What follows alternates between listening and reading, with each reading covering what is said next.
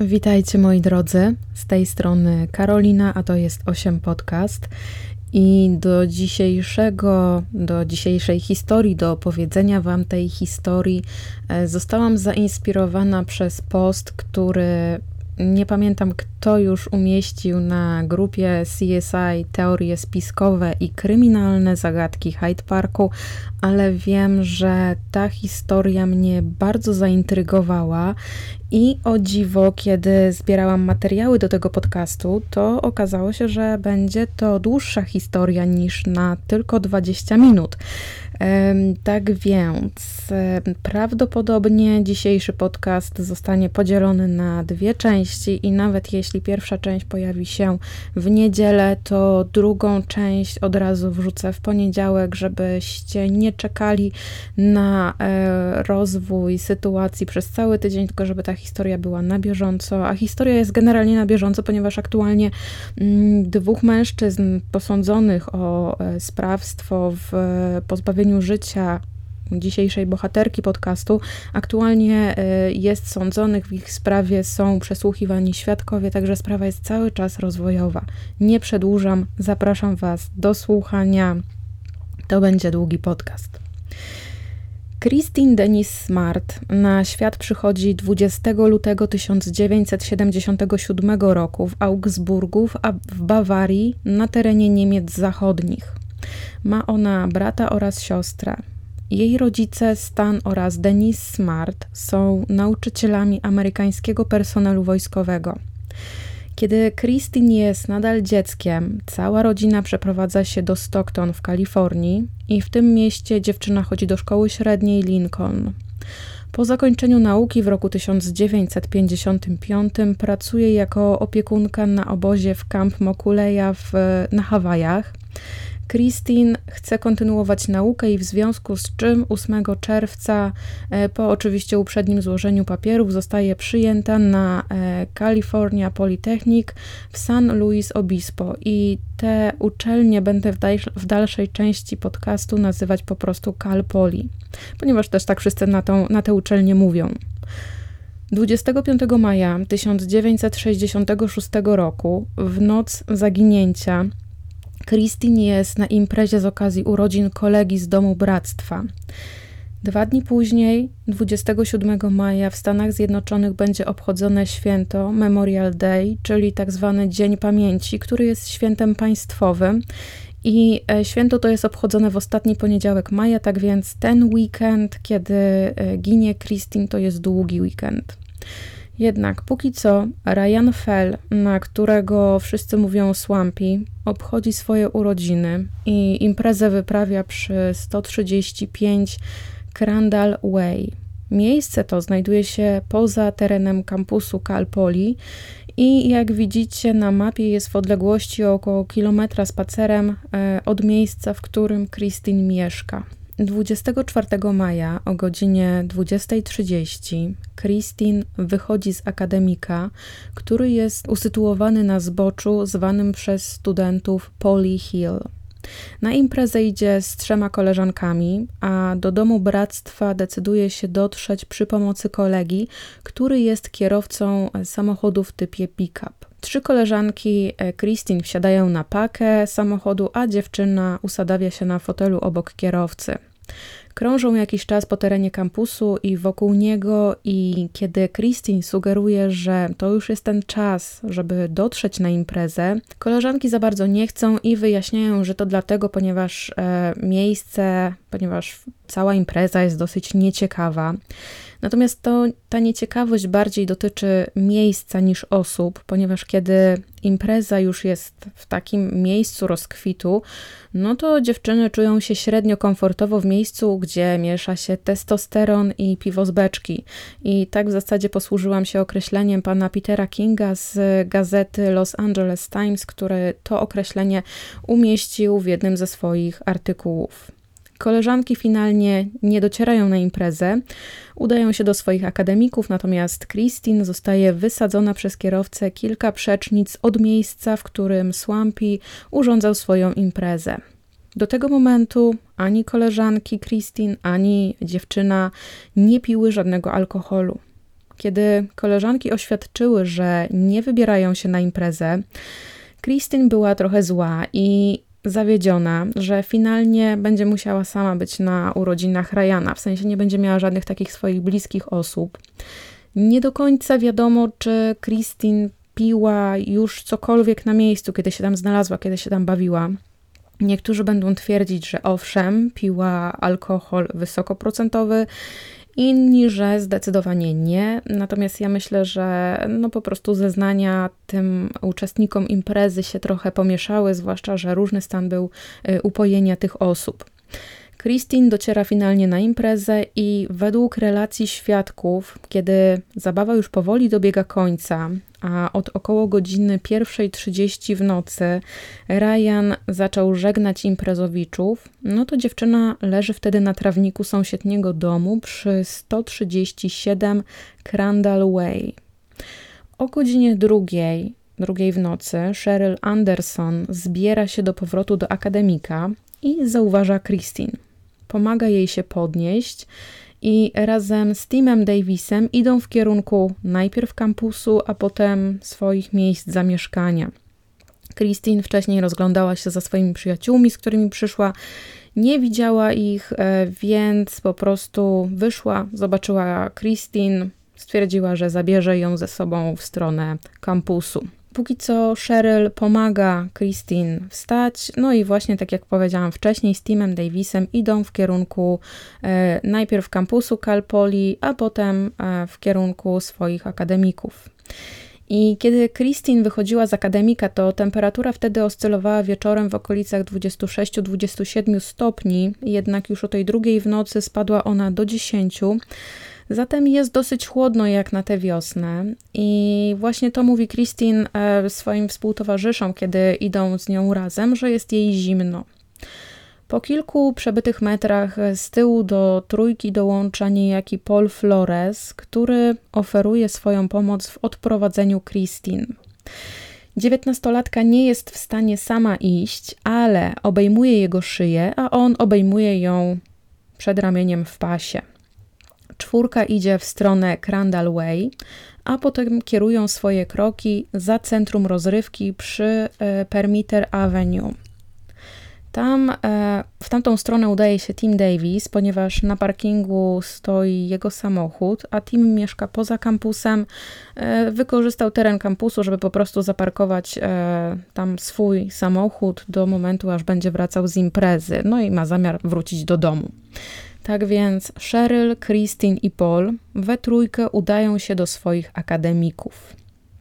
Christine i Paul od czasu do czasu przystają, a Flores wiele razy mówi w stronę Cheryl, że ta może iść szybciej, jeśli chce. Mówi to wielokrotnie. I Cheryl ta sugestia wydaje się dosyć dziwna i mimo wszystko czeka na tę parę, aż obydwoje e, po kolejnym przystanku mm, do niej dołączą, no i dziewczyna nie planuje wcale iść szybciej. Trójka młodych ludzi dociera do skrzyżowania Permiter i Grand Avenue. Akademik Cheryl znajduje się niedaleko. Dziewczyna mieszka w akademiku, który nazywa się Sierra Madre Hall.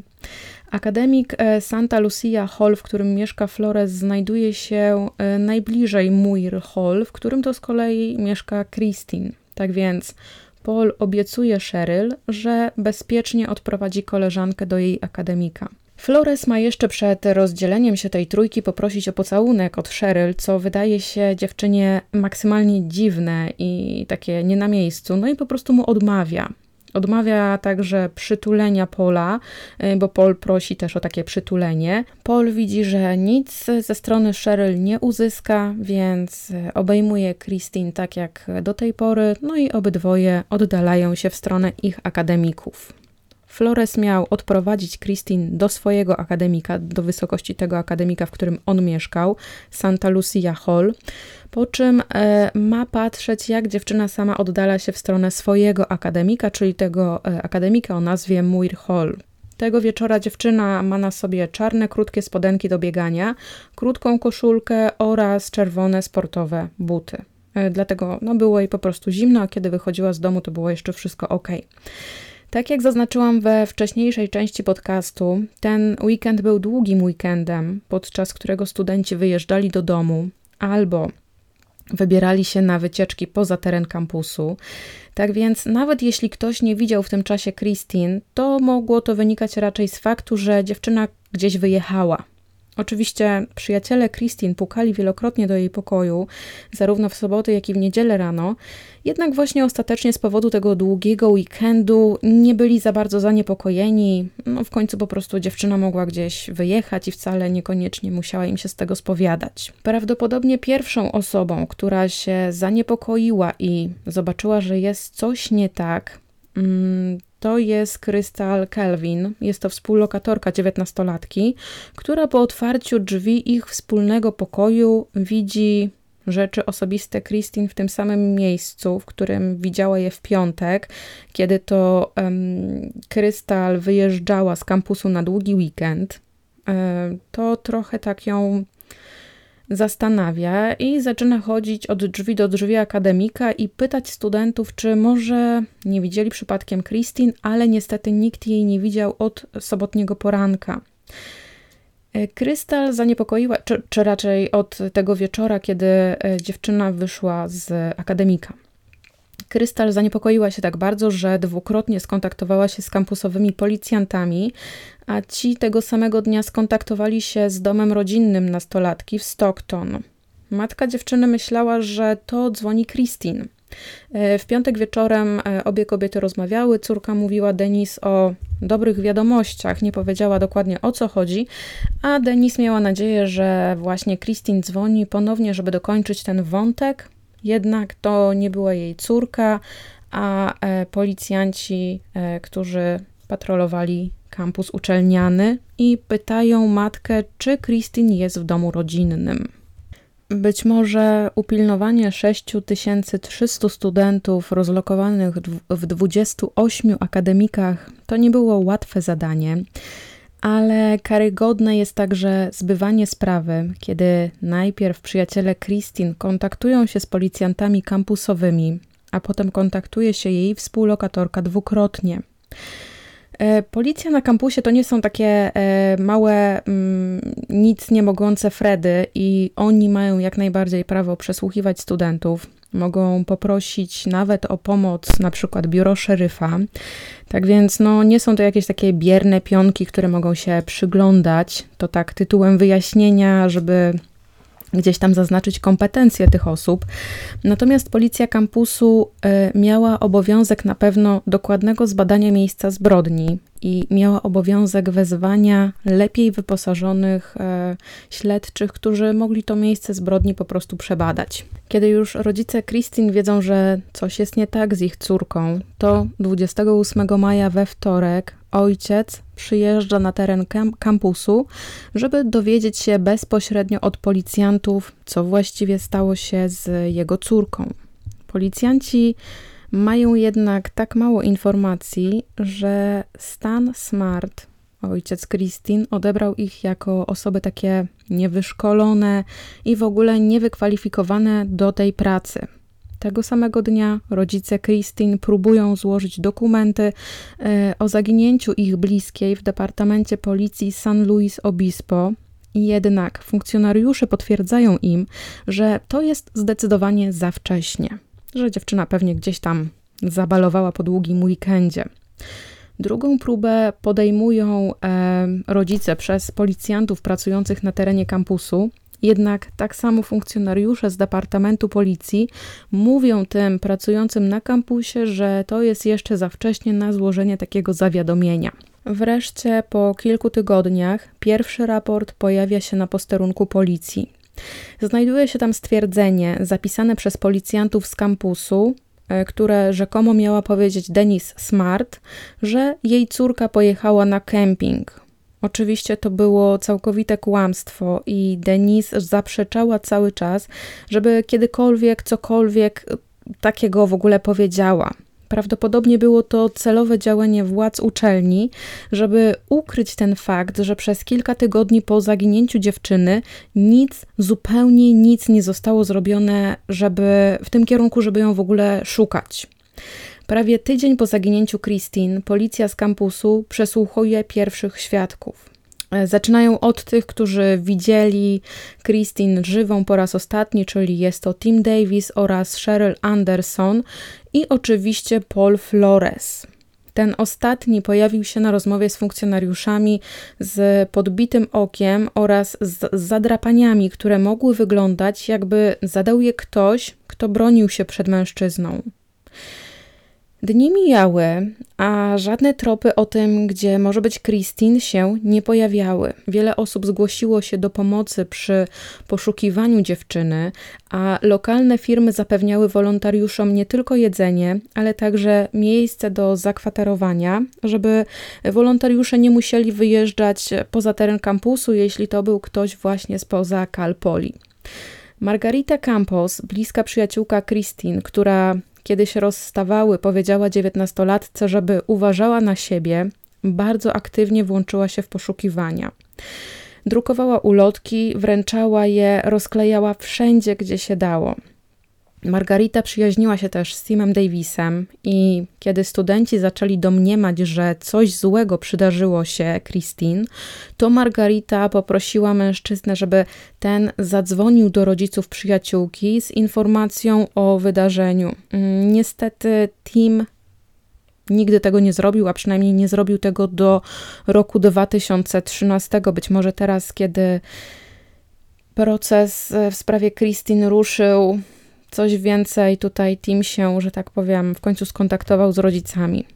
Po przesłuchaniu Pola Floresa przez policjantów e, nie zostają podjęte żadne działania. Oczywiście em, policjantów z kampusu, czyli oni widzą to podbite oko, widzą zadrapania, wiedzą, że Paul Flores jest ostatnią osobą, która odprowadzała Christine i nie robią z tym po prostu nic. Mężczyzna może swobodnie wrócić do swojego pokoju, a co więcej, ekipa sprzątająca nie dość, że sprząta korytarze akademika, w którym e, mieszka Paul, to także sprząta jego pokój. A e, pokój Floresa nosi numer 128 i jest to pokój w akademiku Santa Lucia Hall. Prawie miesiąc po zniknięciu Christine, władze kampusu zdają sobie wreszcie sprawę, że to, co się dzieje w temacie zaginięcia Christine, zaczyna ich powoli przerastać i robią w ogóle krok, który jest dosyć dziwny, bo nie tak to powinno wyglądać. Co władze robią? Otóż zwracają się do biura prokuratora okręgowego w San Luis Obispo i wyjaśniam, nie tak powinna wyglądać ścieżka kontaktowania się z prokuratorem, ponieważ według procedur władze uczelni powinny skontaktować się najpierw z biurem szeryfa, a potem dopiero policjanci powinni przeprowadzić śledztwo i z wynikami tego śledztwa zgłosić się do prokuratora okręgowego, a on, jeśli uważałby, że ma przed sobą wystarczającą ilość dowodów, to wtedy powinien rozpocząć proces. Wtedy e, szeryfem w San Luis Obispo był Ed Williams.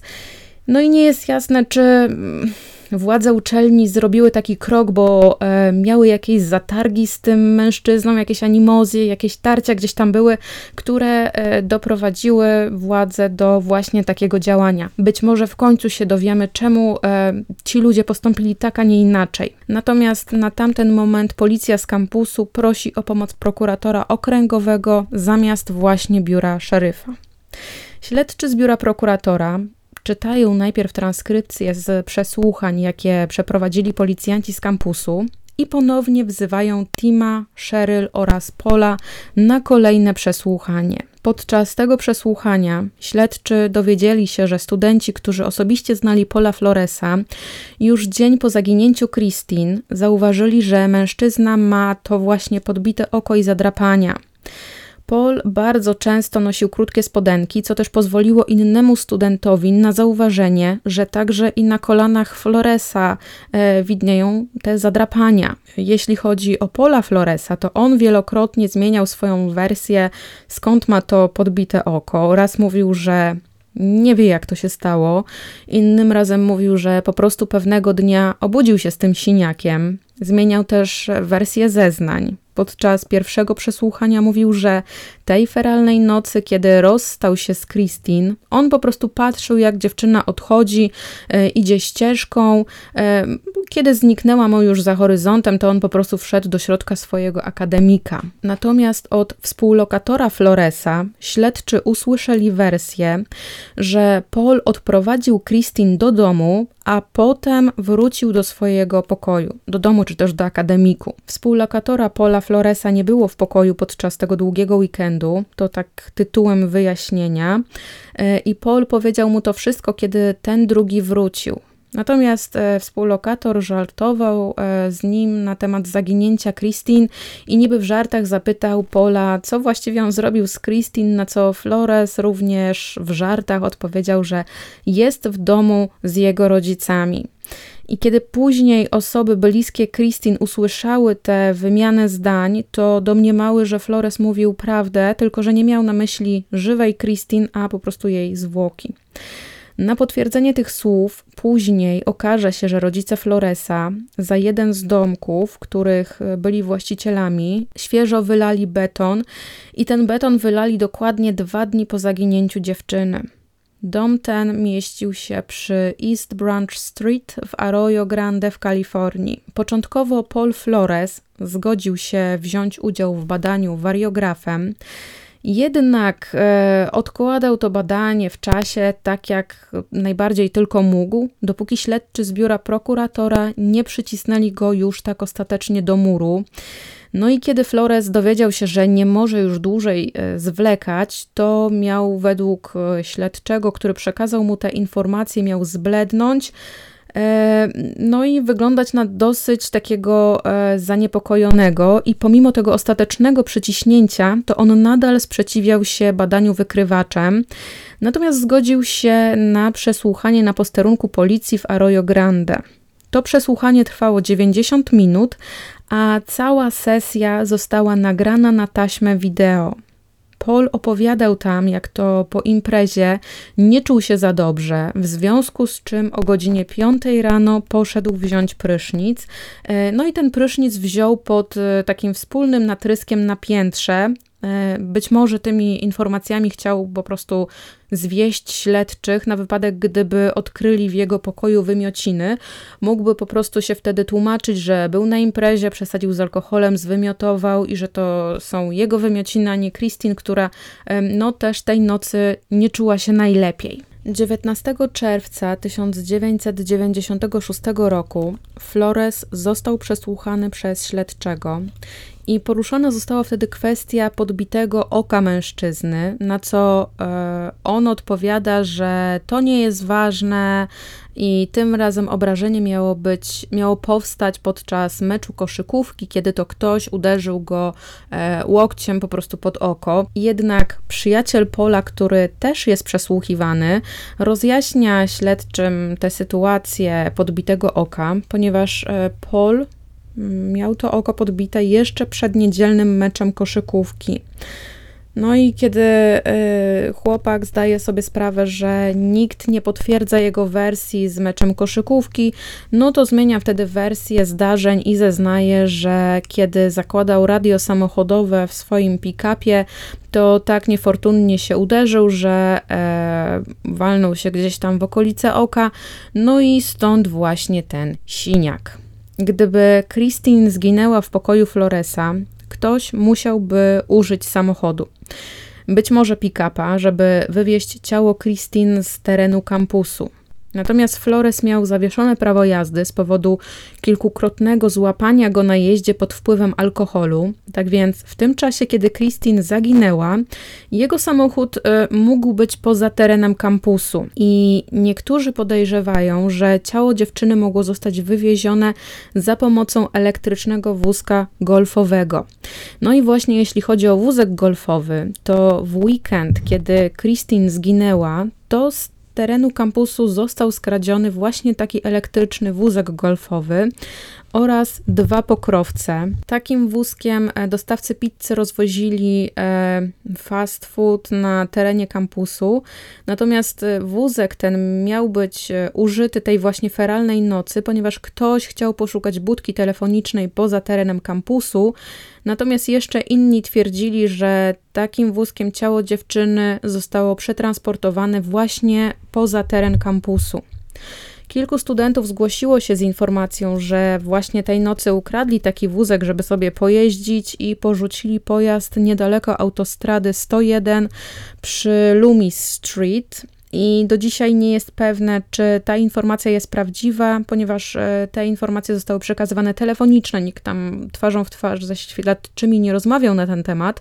Nie jest jasne, czy ta informacja jest e, na serio, czy to bardziej jacyś znajomi Floresa podrzucili śledczym fałszywy trop, żeby ich nieco zwieść. Natomiast faktem było, że Paul dorabiał sobie dla wydziału, który korzystał z takich właśnie wózków golfowych, bo on gdzieś tam pracował na jakiś ułamek etatu. Tak więc miał przede wszystkim do takich wózków bardzo łatwy dostęp. E, takie wózki można było uruchomić tak zwanym kluczem uniwersalnym, także jeden klucz odpalał po prostu wszystkie elektryczne wózki golfowe, no i no i mając taki klucz w zasadzie można było korzystać e, z tych samochodów. Pokrowców od samochodów nigdy nie udało się odnaleźć. Natomiast tak jak powiedziałam wam wcześniej, to ten wózek elektryczny e, został odnaleziony, a studenci pracujący w Wydziale Konserwacji i Transportu mieli otrzymać od przełożonego polecenie bardzo dokładnego umycia pojazdu. Było to dla nich o tyle dziwne, ponieważ wózki wyglądały nam bardzo czyste, no i jeden z byłych studentów później opowiadał po latach, że e, nawet przełożony wtedy pomagał im właśnie w dokładnym wymyciu tego konkretnego wózka e, znalezionego poza terenem kampusu. Nie sposób tutaj nie zauważyć pewnego wzorca działania władz uczelni, które bardzo aktywnie zacierały ślady, przynajmniej według mnie bardzo aktywnie. Mam nadzieję, że nie narzucam e, tymi sformułowaniami nikomu swojej opinii. E, natomiast e, co my tutaj mamy na potwierdzenie tej, tej, tej tezy? Fałszywe informacje e, przekazywane w raporcie, czyszczenie pokoju, w którym mogła przebywać Christine. Pokój Floresa jeszcze w ogóle po jakimś czasie został poddany gruntownemu remontowi. No i trzeci punkt, bardzo dokładne mycie wózków. Dla mnie to jest e, wielki czerwony napis nad Kalpoli, e, który głosi zacieranie śladów. Po około roku śledczy poprosili Pola, żeby pokazał im swojego pick-upa. Flores w ogóle wtedy oświadczył, że on nie ma już tego samochodu, że ten samochód został mu skradziony. Natomiast czy Flores zgłosił kradzież swojego samochodu? Absolutnie nie. Oczywiście nie miał takiego, takiego obowiązku, no natomiast wygląda to już dosyć podejrzanie. Na tamtą chwilę nie ma samochodu, tak więc nie można tego samochodu przeszukać, nie można znaleźć dowodów winy Floresa, e, co z kolei prowadzi do tego, że prokurator nie ma żadnych sensownych dowodów, żeby rozpocząć proces i żeby nad Floresem i nad całą uczelnią e, rozpętała się medialna burza o tym, co wydarzyło się na terenie kampusu Calpoli. Władze uczelni nie muszą się gimnastykować, nie muszą się zastanawiać, zastanawiać, co pisać w oświadczeniach do prasy, no i w jaki sposób tłumaczyć swoją opieszałość w działaniu. Co było do przewidzenia?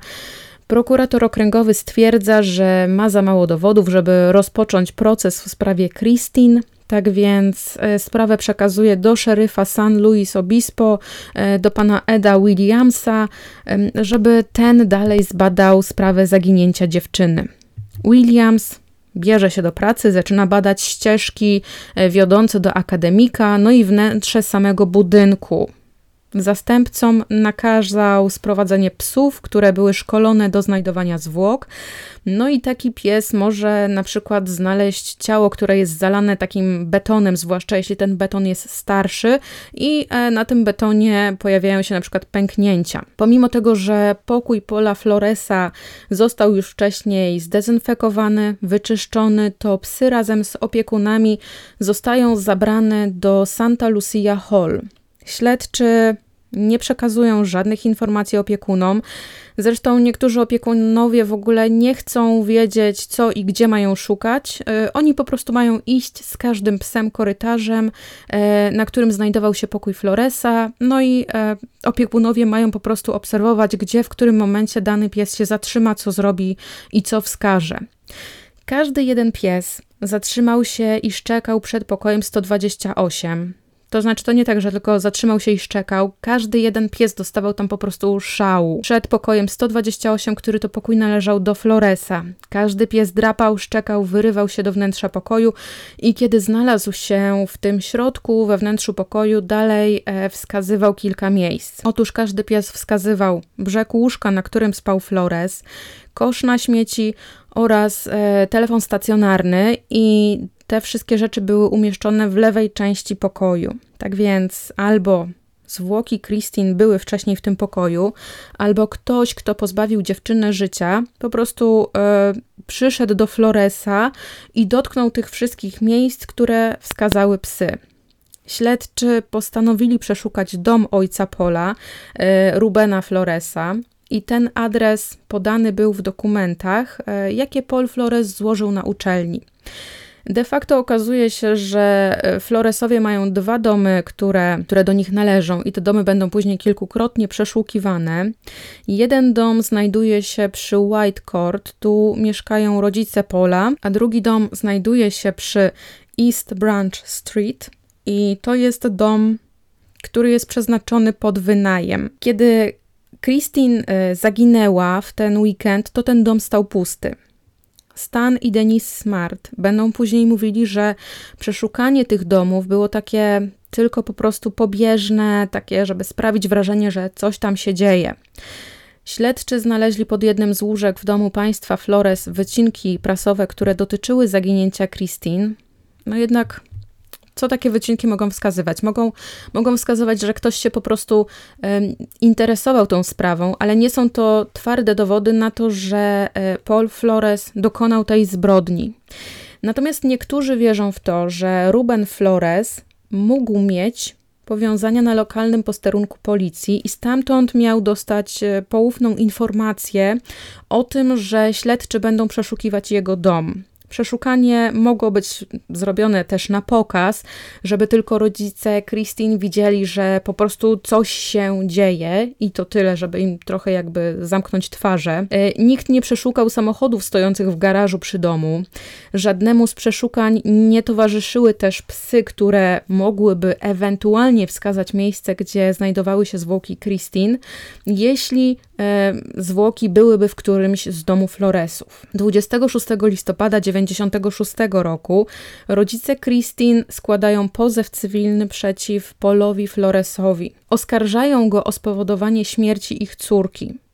Paul odmawia przyznania się, że tego wieczora był na jakiejkolwiek imprezie, a kiedy pada właśnie to pytanie o to, czy był na tej imprezie, to za radą swojego adwokata powołuje się na piątą poprawkę i bardzo wygodnie odmawia odpowiedzi. Oczywiście ma takie prawo, Natomiast no, w tym świetle, e, w świetle tego, co się dzieje, nie stawia go w to, ta, to odmówienie odpowiedzi, nie stawia go w dobrym świetle. Po zniknięciu Christine, lokalne wiadomości przekazują informacje o dziewczynie, a kilka tygodni później najemczyni e, domu należącego do Susan Flores pojawia się na posterunku policji, żeby przekazać śledczym to, co znalazła a znalazła turkusowy kolczyk, który e, pojawił się ni stąd, ni zowąd na podjeździe do domu, który wynajmowała. To jest ten dom, który w momencie zaginięcia Christine stał pusty.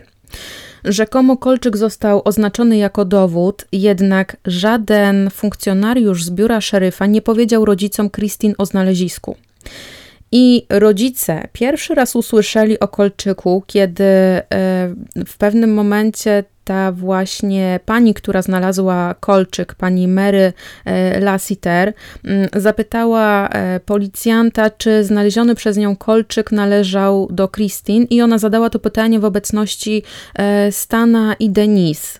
Mm, a kiedy później opisała wygląd tego kolczyka, to państwo Smart potwierdzili, że to mogła być ulubiona para kolczyków ich córki, także oprócz tego ubrania, które wymieniłam, co miała na sobie Christine ostatniego wieczora, y, mogła mieć na sobie właśnie te kolczyki. Podczas przeszukiwania osobistych rzeczy Christine tej pary kolczyków nigdy nie znaleziono, także rodzice domniemali, że to faktycznie y, mogły być te ulubione kolczyki Christine, czyli to, co znalazła najemczyni Susan Flores, ten kolczyk mógł faktycznie należeć do Christine i rodzice wielokrotnie prosili biura szeryfa o to, żeby mogli zobaczyć te kolczyki, ten kolczyk, żeby potwierdzić bądź zaprzeczyć, czy należał do ich córki.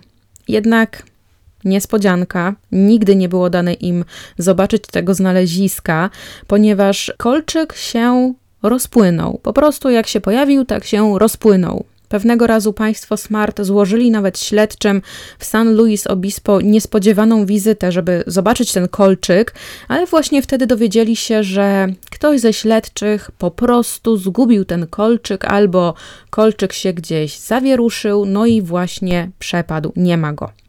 Nie zostało przeprowadzone dochodzenie w celu ustalenia, kto w ogóle odpowiadał za zaginięcie tak istotnego dowodu, a istotnego, ponieważ na tym kolczyku mogło być dosłownie wszystko. Mógł być kawałek włókna z wykładziny samochodu należącego do Pola Floresa, e, mógł być jakiś odcisk palca, mógł być ślad krwi, mogło być naprawdę wszystko. E, dowód niestety przepadł.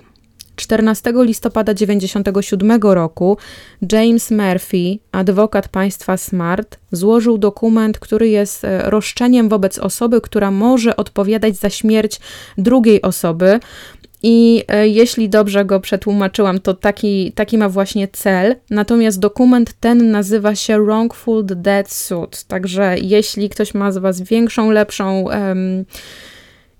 Wiedzę, e, czy faktycznie ten dokument się tak tłumaczy. Dajcie znać w komentarzach. Jeśli tłumaczy się inaczej, też proszę zostawcie taki komentarz. I podczas w ogóle składania zeznań miało miejsce bardzo dziwaczne zajście właśnie wtedy w listopadzie, ponieważ e, w połowie spotkania e, zostaje zarządzona przerwa. I wtedy właśnie do matki Christine bardzo mocno dociera, dociera do niej to, że po prawie 18 miesiącach to ona już no nie ma szansy na zobaczenie swojej córki żywą, tak więc znajduje sobie y, osobne pomieszczenie i znajduje sobie taką pustą salę konferencyjną, po czym zamyka drzwi, siada i po prostu tam płacze.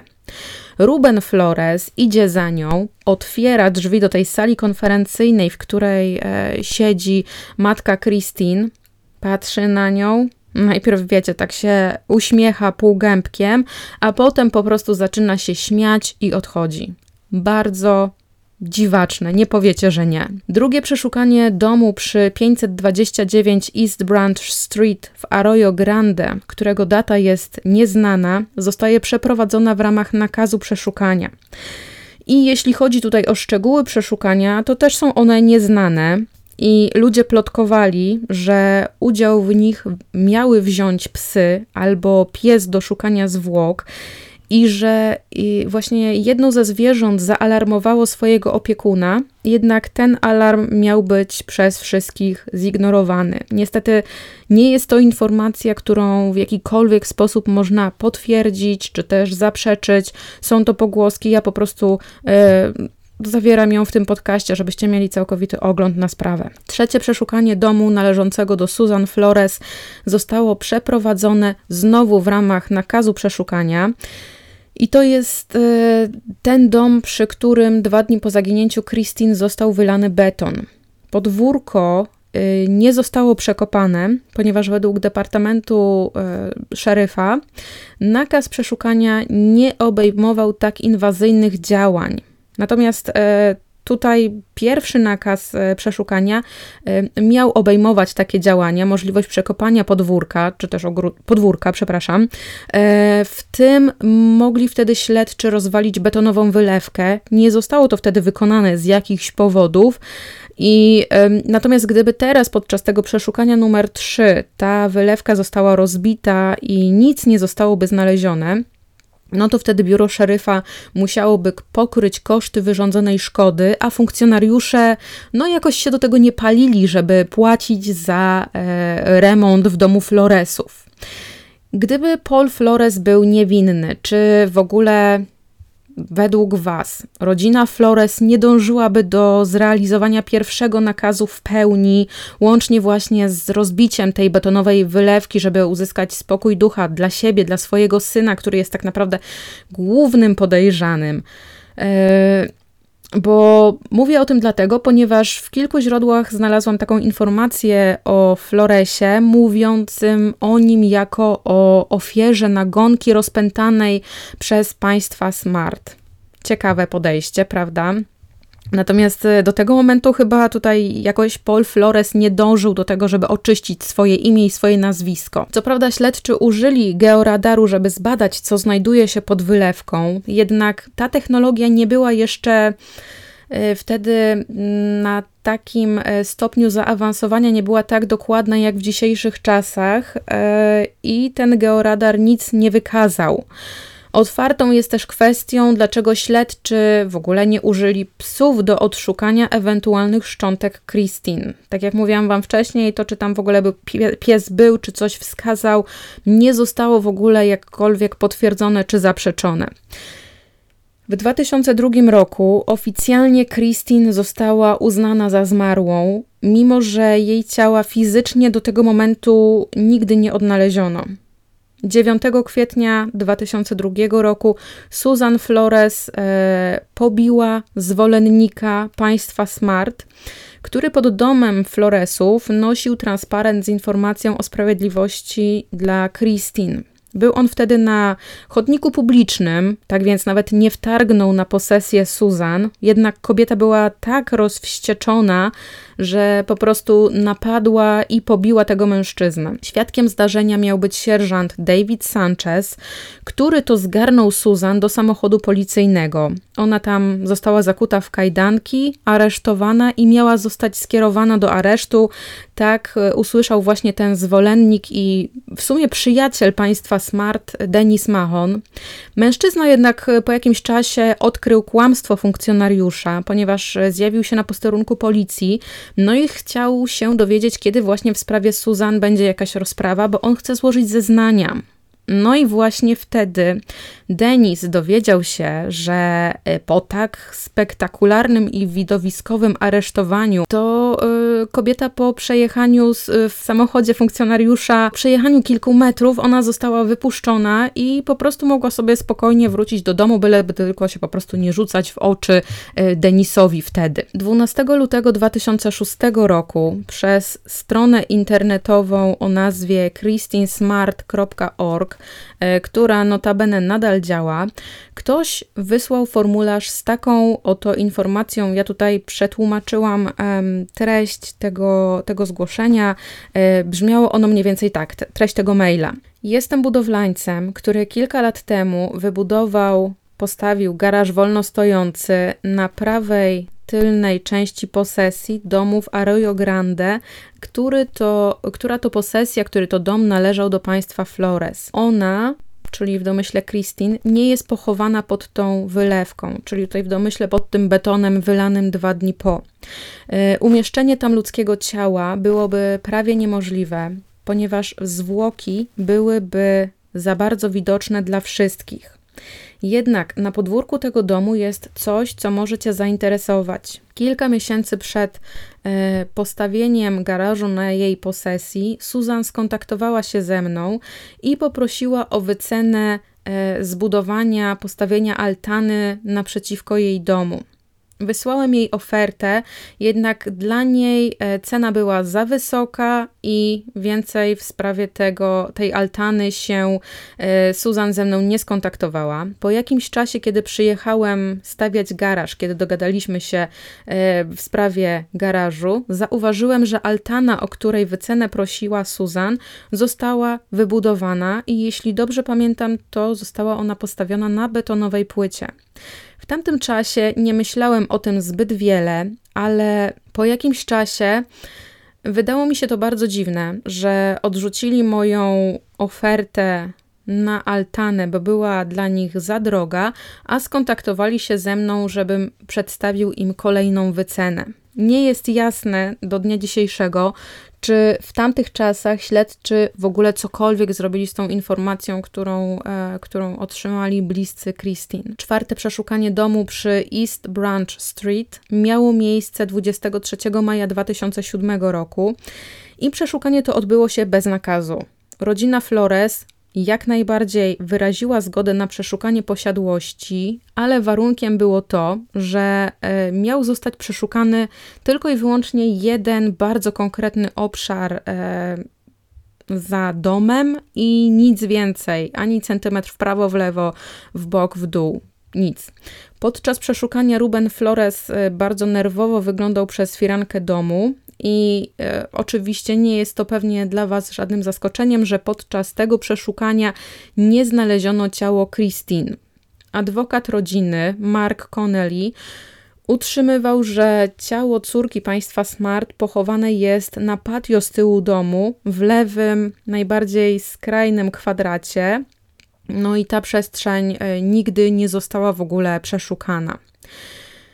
I nagle mamy 2 września 2016 roku, kiedy to aktualny szeryf San Luis Obispo, Ian S. Parkinson, ogłasza, że ma zamiar przekopać teren uniwersytetu, żeby zlokalizować czy cokolwiek znaleźć w sprawie Christine, co mogłoby pomóc e, w kontynuowaniu dalszego śledztwa i co więcej, ma zamiar zrobić to w asyście 25 pracowników e, FBI. Czemu kolejny śledczy unika przekopania podwórka Susan Flores? To w ogóle nie jest do końca jasne. Jednak dwa tygodnie później Paul Flores zostaje aresztowany. I w tym momencie urywam y, przedstawianie Wam dzisiejszej historii. Do drugiej części zapraszam Was jutro na wysłuchanie drugiej części. Y, opowiem Wam za co w ogóle Paul został aresztowany i jak dalej, czy coś się w ogóle podziało w sprawie e, odnalezienia Christine Smart, czy w ogóle ktokolwiek został oskarżony, o co został oskarżony.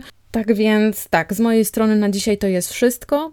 Dziękuję Wam bardzo serdecznie za wysłuchanie tej części i bardzo chętnie w ogóle przeczytam Wasze opinie w sekcji komentarzy. Jeśli macie ochotę się nimi podzielić, dla mnie w ogóle e, tutaj podczas, e, do tego czasu, do 2016 roku, to dzieje się w ogóle jakiś, e, jakaś katastrofa. E, nikt, żaden w ogóle śledczy nie jest, nie jest w stanie, nie wiem, przepychać tę sprawę dalej, rozwiązywać sprawę Christine. Wszyscy po prostu rzucają tym biednym rodzicom kłody pod nogi i jak dla mnie to wygląda tak, że w ogóle Ruben Flores nie wiem, kim on jest, jeszcze wam zresztą nie powiedziałam, jak on zarabiał na życie, e, ale ten gość po prostu smaruje wszystkim i wszędzie i gdzie się tylko da, żeby tylko swojego syna wyciągnąć z tarapatów. Ja mam takie, mm, taką opinię, jeśli chodzi o tę rodzinę, natomiast na, tak jak wspominam, bez spoilerów, e, na dalszą część zapraszam Was jutro. E, mam nadzieję, że nie jesteście za bardzo na mnie źli za to, że urywam w takim momencie. Do usłyszenia jutro.